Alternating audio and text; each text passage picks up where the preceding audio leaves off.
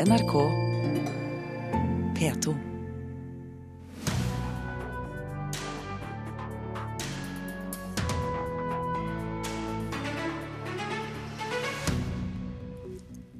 En million norske husstander mister 13 TV-kanaler fordi Discovery og Telenor ikke blir enige om prisen for TV-tilbudet. Prisen Årets Spellemann ble delt ut til feil person. Det mener musikkritikere i landets tre største aviser. På ingen måte, svarer Spellemann. Og har Carpe Diem gått lei av å bli behandlet som rollemodeller? Ny video kan tyde på det. Men om det er sant, det får vi først vite når Chirag og Magdi kommer i studio om noen minutter. Alle Kanal Digital-kunder, dvs. Si halvparten av Norges husstander, mistet de 13 Discovery-kanalene da forhandlingene om betaling for TV-tilbudet brøt sammen ved midnatt. Det betyr at eh, kanaler som Max 5 og ikke minst eh, disse gutta på TV Norge for tiden forsvinner fra norske TV-skjermer.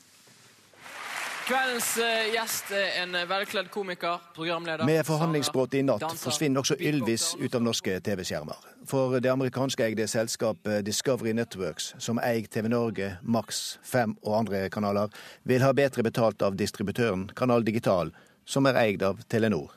Det sier Harald Strømme, TV Norge-sjef og direktør i SSB Discovery. Det er jo slik at uh, vi har ikke hatt uh, noen prisøkning uh, siden 2010. Eh, og I samme periode har Kanal Digital økt utsalgsprisene med, med, over 30 Så det vi ber om er jo en, eh, en, prisøkning for denne gruppen på 13 kanaler som tilsvarer én kopp kaffe per kunde per år. Og Det mener Telenor er fryktelig urimelig, og det har vi vanskelig for å forstå. Informasjonssjef Tormod Sandstø i Telenor, som eier Kanal Digital, avviser at det er snakk om en så liten prisauke. Ja, Det kan jeg eh, veldig kort bare avvise med en gang. Vi har sett både det og noen andre kreative regnestykker før, men eh, dette handler om mye mer enn en kopp kaffe. Som vi har sagt før, her snakker vi om at eh, de, har, eh, de, krever en prisøkning på flere hundre millioner kroner. Dette er en regning som de vil påføre norske seere, og det kan vi faktisk som ansvarlig på venneskundene ikke, ikke akseptere. Reporter her, det var Bjørn Atle Gillestad. En million norske kunder av Kanal Digital, eh, Digital, har altså mistet TV Norge og de andre Discovery-kanalene i natt. Eh, Morten Wiberg i mediebyrået Karat, hvorfor har Kanal Digital og Discovery havnet i denne krangelen? Nei, det, det virker som det bare handler om eh, noe, hvem som skal få betalt det de ønsker å få betalt. Uh, og Discovery mener at de skal få 20 kroner eller 30 kroner mer, altså en kopp kaffe. Og Kanal Digital sier at det er uh, noe mer. Så det er nok litt usikkert, i hvert fall for menigmann, om hva konflikten sånn helt uh, består i. Men hva er problemet med å bare øke prisen som du og jeg betaler for TV-abonnentene? Nei, i utgangspunktet burde ikke det være noe, noe, stort problem. Hvis det er snakk om 20-30 kroner, så tror jeg de fleste husstandene ville akseptert det. Men så Derfor så tror jeg at det, det, er noe annet som ligger eh, bak her, som eh, vi da ikke helt vet ennå. Ja, hva tror du da? Nei, jeg tror jo øh, Jeg er litt usikker, faktisk. Jeg tror at det handler om mer penger. Nå hørte jeg vel akkurat i innslaget deres at Kanal Digital snakket om at det var flere hundre millioner kroner. Så Det er klart at da, det er jo vesentlig forskjell på 100 millioner kroner og 20-30 kroner per husstand. Men hva, hva, er det underliggende prinsippet her som de er uenige om? Er det noe der? Nei, det, er det, det, er det som ikke kommer helt tydelig frem. Da. sånn at, eh, at Det vet man lite om. Jeg, jeg syns det er litt synd at man nå kom, går til det tiltaket også, og, og gjøre skjermene svarte. det, Vi er jo nå i en periode hvor, hvor TV blir utfordret på en del områder, bl.a. fra digitale Eh, kanaler som YouTube og Netflix etc. Og Da er det synd at man nå havner eh, i en sånn konflikt eh, som gjør at folk faktisk finner andre steder å konsumere levende bilder. Og Det er en sånn farlig utvikling. da. Hvor lang tid kan denne konflikten vare? Jeg tror og håper at den ikke vedvarer. Jeg tror vi har en løsning i løpet av uka. Morten Wiberg i mediebyrået Karat, takk for at du var med oss her i Kulturnytt.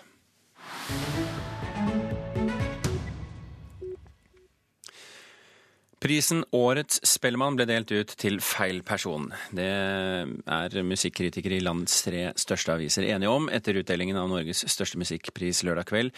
Kygo ble Årets Spellemann. Kritikerne mener Susanne Sundfør burde blitt det eh, istedenfor. Han, eh, Kygo altså, fikk prisen overrakt i San Francisco. Dette er utrolig stort. Jeg er ikke forventet det i det hele tatt. Jeg må bare si tusen takk.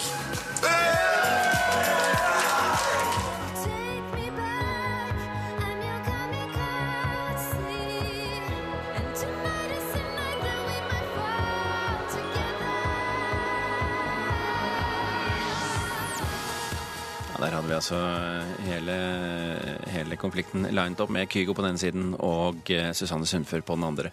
Robert Hoftun Gjestad, velkommen til Kulturnytt, musikkommentator i Aftenposten. Takk skal du ha. Hvorfor var Kygo feil mottaker av prisen for årets Spellemann? Fordi jeg syns Susanne Sundfør var en bedre kandidat for musikkåret 2015. Hvorfor syns du det? Hun har vært en sentral um, artist i norsk musikk i et, over et tiår. Uh, 2015 var hennes beste kunstneriske år, med sitt beste album, syns jeg, uh, og en uh, konsertrekke som etter hvert ble større og bedre, og toppa Øyafestivalen. Har spilt store jobber, gode jobber i utlandet, og fått jevnt over eh, veldig veldig gode anmeldelser. Og havna til slutt på toppen av oppsummeringslista for årets album 2015. Det, det syns jeg bør eh, gi en årets Spellemann. Er stikkordet kunstnerisk eh, viktig her? Ja. Marte Thorsby, styreleder av Spellemann og medlem av juryen for årets eh, Spellemann. Det var feil det dere gjorde? Vi mener jo at uh, vi har gitt prisen til uh, riktig artist i år. Prisen Årets Spellemann. Uh, jeg har også lyst til å kommentere at samme jury har også sittet da bl.a. og gitt prisen til årets album og til årets produsent, og begge de ble jo gitt til Susanne Sundfør.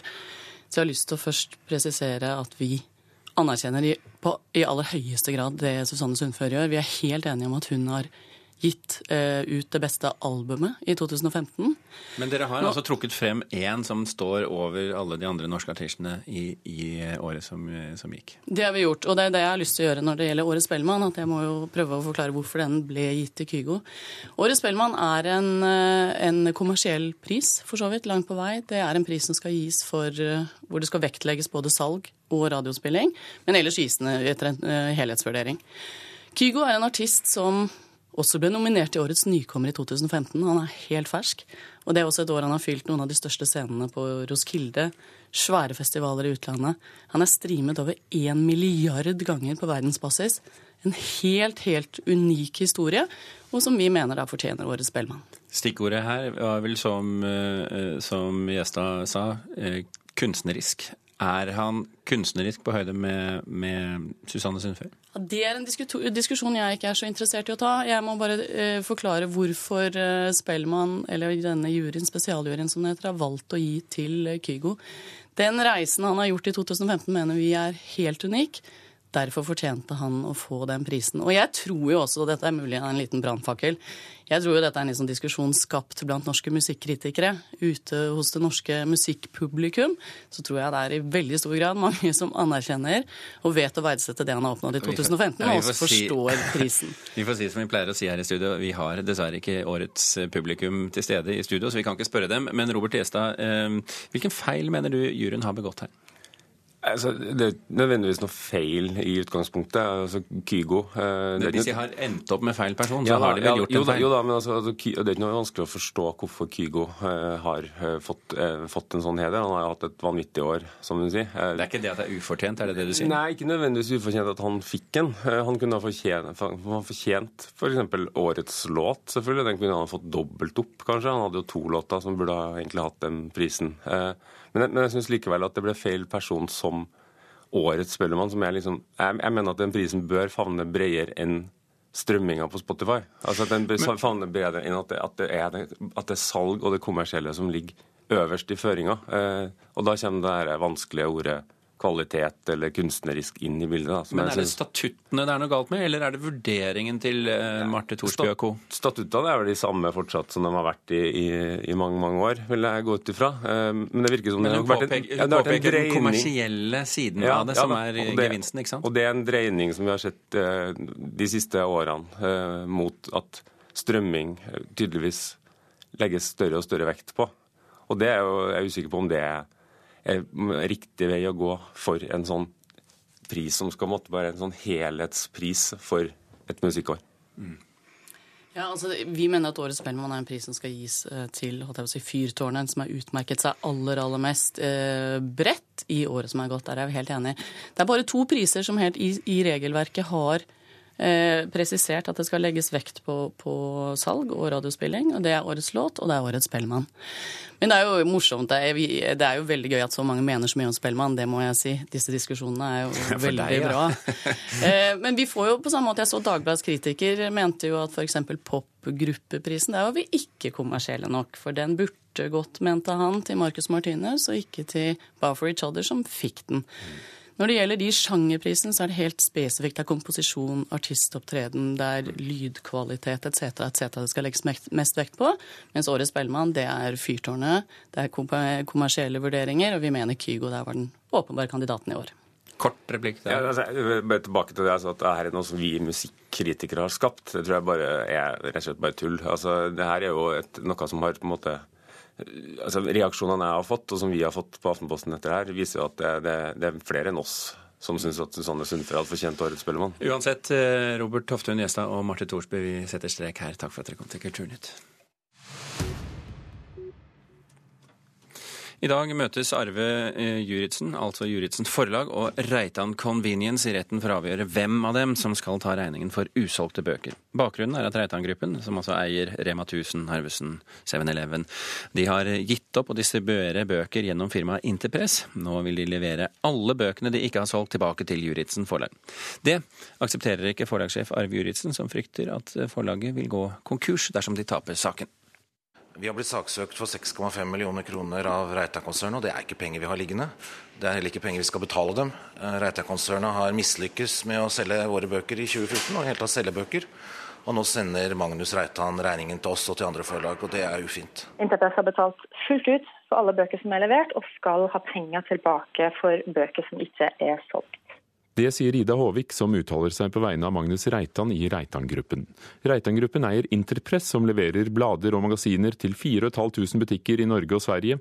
De forsøkte seg også som distributør av bøker, men det var dårlig butikk. I oktober 2014 bestemte Reitan seg for å legge ned bokvirksomheten. Interpress var en veldig viktig aktør for hele bokbransjen. De har vi samarbeidet veldig godt med, og de har forsynt dagligvare og bensinstasjoner med bøker på en god måte. Eh, men de har altså ikke lyttes i det siste, og Magnus Reitan gir nå opp istedenfor å ta opp kampen og fighte videre. Interpress har vært en viktig brikke for små norske forlag i kampen mot de tre store, Aschehoug, Gyldendal og Cappelen Dam, som alle distribuerer gjennom Bladsentralen. Alle de små forlagene skrev en rammeavtale med Interpress, men jurisen valgte å nekte. Derfor må han forholde seg til de enkeltkontraktene som er skrevet for hver enkelt tittel, mener Håvik. Vi etterlever de avtalene vi inngår, og vi kan ikke ha et system der vi har leverandører eller samarbeidspartnere eller andre som ikke gjør det samme.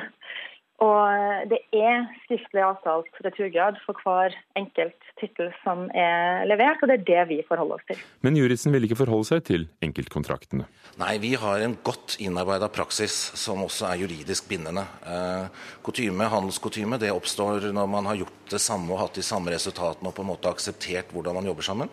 Og vi har en ni års historie hvor tallene er veldig tydelige på hva man skal returnere og hvordan det skal gjøres opp. Altså, vi ønsker selvfølgelig ikke at noen skal gå konkurs, og Interpress har strukket seg langt for å, å nå en løsning som, eh, som, har vært eh, god for begge parter. Det har bl.a. innebært at man har eh, redusert kravet som foreligger fra 6,5 millioner til 2. Det har Juritzen avvist. Reporter her, det var Ugo Fermariello. Agnes Moxnes, kulturkommentator her i NRK.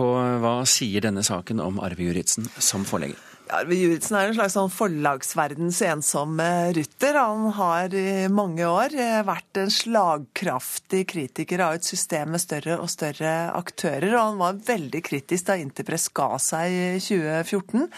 Eh, fordi han, Det betydde at han og en del andre eh, små forlag også at de fikk sine argeste konkurrenter, altså de store forlagene, som også kom inn og tok over det som heter massemarkedet.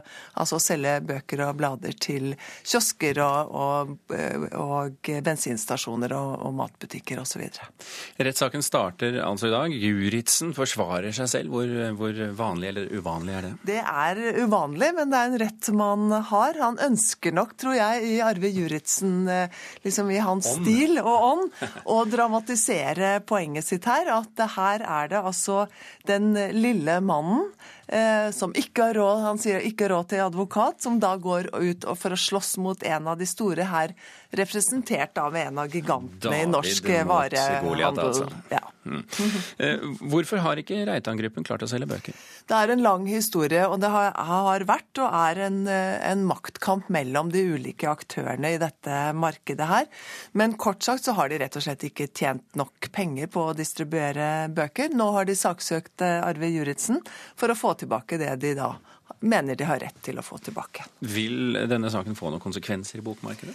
Ja, Det kommer jo helt an på hvordan denne saken utvikler seg. Den kan bli prinsipiell i spørsmålet om avtaler, eller mangel på avtaler som er gjort mellom forleggere og distributører. Men så er det jo også et spørsmål om hvilke returregler som gjelder når en part velger å, å legge ned virksomheten sin, som Interpress har gjort her. Agnes Moxnes, takk for at du kom i studio.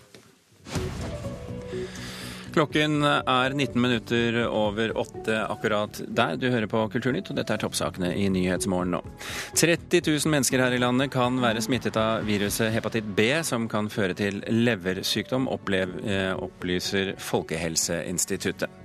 Nesten 20 000 flere eldre kan bo hjemme lengre hvis kommunene tar i bruk velferdsteknologi i eldreomsorgen. Og i Myanmar møtes parlamentet for første gang etter landets første demokratiske valg på 50 år. De fleste folkevalgte tilhører partiet til fredsprisvinner Aung San Suu Kyi. Hva innebærer det egentlig å være rollemodell, og hvilket ansvar har man når man får stempelet på seg, frivillig eller ufrivillig? Det er tematikken når Carpe Diem slipper sin fjerde video i dag fra det musikalske prosjektet, som det heter, Hei sann Montebello. Chirag og Magdi, velkommen til Kulturnytt. Tusen takk. Takk. Må jeg først få lov til å gratulere dere, siden dere da videoen, eller regissøren av videoen fra forrige låt vant Spellemannpris. Det stemmer. Det var eh, på lørdag. Mm, Marie Kristiansen. Ja. Mm. Jeg tror hun også snakket noe om at eh, hun var den første kvinnelige. Som, til noensinne, ja, til noensinne å vinne musikkvideoprisen. Nye barrierer ble mm. brutt, altså. Um, i, i, I, dag så er det låta 'Hus, hotell, slott, brenner' som lanseres med ny video, denne gang regissert av Stian Andersen. La oss høre et lite kutt her. De sender meg på minneseremoni for å stå på Nobel. Jeg er det største for får lyst på MDMA og gå på bordell. Hver gang dere kaller meg for rollemodell. Og sola skinner inn i store slag som ingen bor Aner jeg et visst ubehag uh, med å bli tildelt rollen som rollemodell? Uh, ja, altså det er jo veldig sånn blanda følelser rundt ordene rollemodell og forbilde. Um, så, så, låta er på en måte ikke en fasit på hva vi mener eller hva vi føler. Det er bare på en måte problematiseringa rundt å bruke de ordene generelt, da. Mm. Og ikke om en spesifikk eh, Ikke innafor en spesifikk gren. Men Chirag, hva er, hva er fordelene ved å være rollemodell? Hva er det du liker ved det? Eh, det er jo eh, Jeg har tenkt mye på at hvis en person kommer bort til meg og gir meg tommel opp og sier at du er en flott rollemodell og du er et forbilde, mm. så hvis du liksom tenker litt over hva som egentlig blir sagt, så sier jo egentlig den personen at jeg er en flott person fordi jeg mener eh, det samme som han, og jeg har de samme hold, det samme moralske kompasset som han. Ja. Men det er en sånn utrolig kuende del ved det. fordi med en gang du får det komplimentet Vi vil jo bare ha den type bekreftelse. Og, um, men sannheten er at det er en veldig nesten litt sånn breial ting å si til et annet menneske. Men, men føles det begrensende også? Ja, absolutt. På hvilken måte? Nei, det er jo eh, Etter jeg har gått fra den personen som har gitt meg det komplimentet, så føler jeg at jeg må fortsette å leve etter den personen sitt moralske kompass og den personens verdier. Og det er ikke alltid det er eh, meg. Nei. Eller, ja, rett og slett. I denne låta så, så sier dere, eller rapper dere, de sender meg på minneseremoni for å stå på uh, Nobel. Er, er, det noen utenfor dere som styrer dette her, føler dere? Um, Nei, altså ikke på en måte våre kunstneriske valg. Vi har jo på en måte alltid muligheten til å si ja eller nei.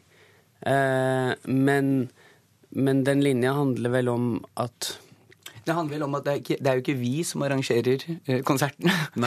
Så det som følger med å spille, de, eh, om du spiller på Nobels fredspriskonsert, som vi har gjort, eller om du spiller på minneseremonien til eh, um, Så Eh, er det jo ikke vi som inviterer oss selv. Og eh, vi, eh, vi, er jo fortsatt bare oss selv når vi drar fra den konserten også. Så det handler vel litt om det, det. Ja, det er jo visse forventninger til deg når du har kommet til det nivået. Mm. Um, og da er det veldig lett for veldig mange å begynne å begrense seg. da. Mm. Uh, og miste den kunstneriske friheten til å bare gjøre akkurat det man føler for. Opplever du at, dere, at det er sånn for dere? Uh, vi må ta oss selv i det. Vi må, vi, må vi må, på en måte fokusere på å ikke tenke på at det er en lytter med forventninger når vi er i studio. Og det føler jeg at vi klarer ganske bra. Det tar tid, men man på en måte vil gå ordentlig inn i den bobla. da. Hvilket forhold har dere til bloggeren Sofie Elise? Vi har bare lest om hun i avisen. Vi øh, bare gitt tematikken i den låta, så gikk det liksom opp for oss at øh, selv om hun er en 21 år gammel jente og vi er 31 eh, år gamle menn, så har vi unektelig en fellesnevner, og det er den påvirkningskraften på unge mennesker. Så vi ville Vi sendte en tekstmelding og spurte om hun ville komme og se videoen og snakke med oss, da. Det, var, det er ekstremt lærerikt. Det er, det er ikke så ofte man tar seg tid til noe sånt. Nei, hvorfor er det, På hvilken måte er det lærerikt? Nei, Bare det at hun er en ung 21 Altså, hun er en 21 år gammel jente fra Harstad og har, eh, snakker et annet på en annen måte enn oss. Føler på, føler på, ting vi ikke føler på. Men fellesnevneren er rollemodell, er det det? Fellesnevneren Påvirkningskraft man, er det vel, kanskje? Mm. Ja, men òg rollemodell. Altså, man, man, må forholde seg til ordet rollemodell mm. og ordet forbilde. Mm. Um, og ofte på um, et generelt plan, da. Ikke sånn forbilde eller rollemodell innenfor noe. Fordi det må jeg bare si. Altså, jeg har ikke noe Det er ingen utfordring for meg å forholde meg til ordet forbilde eh, innafor et veldig konkret sånn forbilde. Ja, du er et forbilde når det gjelder å ta norsk rap fra ett nivå til det neste. Det, det, det, liker du? Det liker jeg. Det er helt ok. Det er på en måte et kompliment jeg mener jeg fortjener. Det er innafor sjangeren, liksom. Ja, det er, det er Ja. Um, hvilket, uh, hva, for, hva, slags forventninger har dere til lanseringen av denne videoen på Sofie Elises blogg? Nei, Vi håper jo at uh, den skal uh, nå ut til unge mennesker. Så, og, og, at de Forstår det? Ja. Forstår problematikken. Har dere lagt merke til at dere begynner å omtale unge mennesker som de andre? Det er kanskje, kanskje sant. Jeg bikka 30, vet du. Ja. Man må begynne med det, da. Ja, men jeg er jo ekstremt uh, redd for å bli en fyr som bare avskriver en sånn type uh, dame som Sofie Elise. Uh, hun kommuniserer effektivt. De oppfatter hun som ærlig. Og det tror jeg altså mange gjør med Carpe Diem. Mm. Men jeg tror det er viktig å bare Bare fordi jeg ikke skjønner en ting, så kan ikke jeg bare overse den. Eller bare fordi den bloggen Det er ikke sikkert den er for meg. Men allikevel så er det på en måte viktig å følge med i timen. Det blir veldig spennende å se hvordan dette eh, blir, og hvordan det vikler seg ut for dere, og hvordan lanseringen går, og resultatet av det. Uh, uansett, tiden vår er over her. Tusen hjertelig takk, takk. For, at, for, at, dere kom, Chirag og Magdi. Takk for det.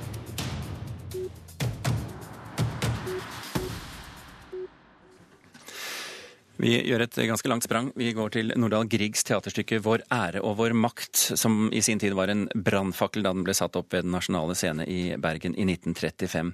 Nå har dramatikerne Tore Wang-Lie og Cecilie Løveid bearbeidet og utviklet Griegs stykke, og urpremiere var i Bergen i helgen. Du filmet søsteren min, og hun var kliss naken. Er dette med voksen, Konrad? Nå skal du få det inn i hodet ditt. Og det var det voldsomt så puritansk du har blitt, da. Det er jo du som alltid snakker om å få se mer hud. Jeg tror faen ikke på deg, Freddy. Ja, dette er altså fra teaterstykket Vår ære, skråstrek Vår makt, som det nå heter. Eh, eh, Karen Frøsland Nystøl, hva var det som gjorde dette stykket så kontroversielt i sin tid? Det er et stykke som sparker bl.a. til rederstanden i Bergen. Et stykke som handler om å profitere på konflikter. Et stykke som handler om de spionene i, de som valgte å verve seg som spioner i Bergen og underretta tyskerne om hvilke skip som gikk fra Bergen til England med forsyninger. Og ut av det kom det torpederinger og andre ting. Så det, det var virkelig et kontroversielt stykke i sin tid. Men det var veldig populært i, i sin tid, og det var mange som gikk og så det. Um, er det fremdeles godt? og i så fall hvorfor? Det er fremdeles et veldig godt stykke. Dette er noe av det beste jeg har sett av teater i Bergen på veldig, veldig lenge. Tore Wang-Lid og Cecilie Løveid har gjort en slags overskriving. Eh, de har tatt opp i seg Nordahl Griegs liv. Han kjenner vi jo nå sant, i ettertid. Hans rettferdighetsdrift, hans dragning mot krigen og mot det å ønske om å bidra, det ligger ganske sterkt i stykket. Og så er det òg en, kanskje ikke så tydelig alltid, men en parallell til, til, dagen med skip som kommer til våre kyster som vi ikke torpederer, men som vi kanskje lar seile sin egen sjø? Er det, er det, effektivt fortalt, det vi ser på scenen, altså rent scenetekniske? Og det er et tett stykke. Det det er et stykke som, der det skjer utrolig mye. Og hele denne teaterkjelleren med Den nasjonale scenen er snudd om på.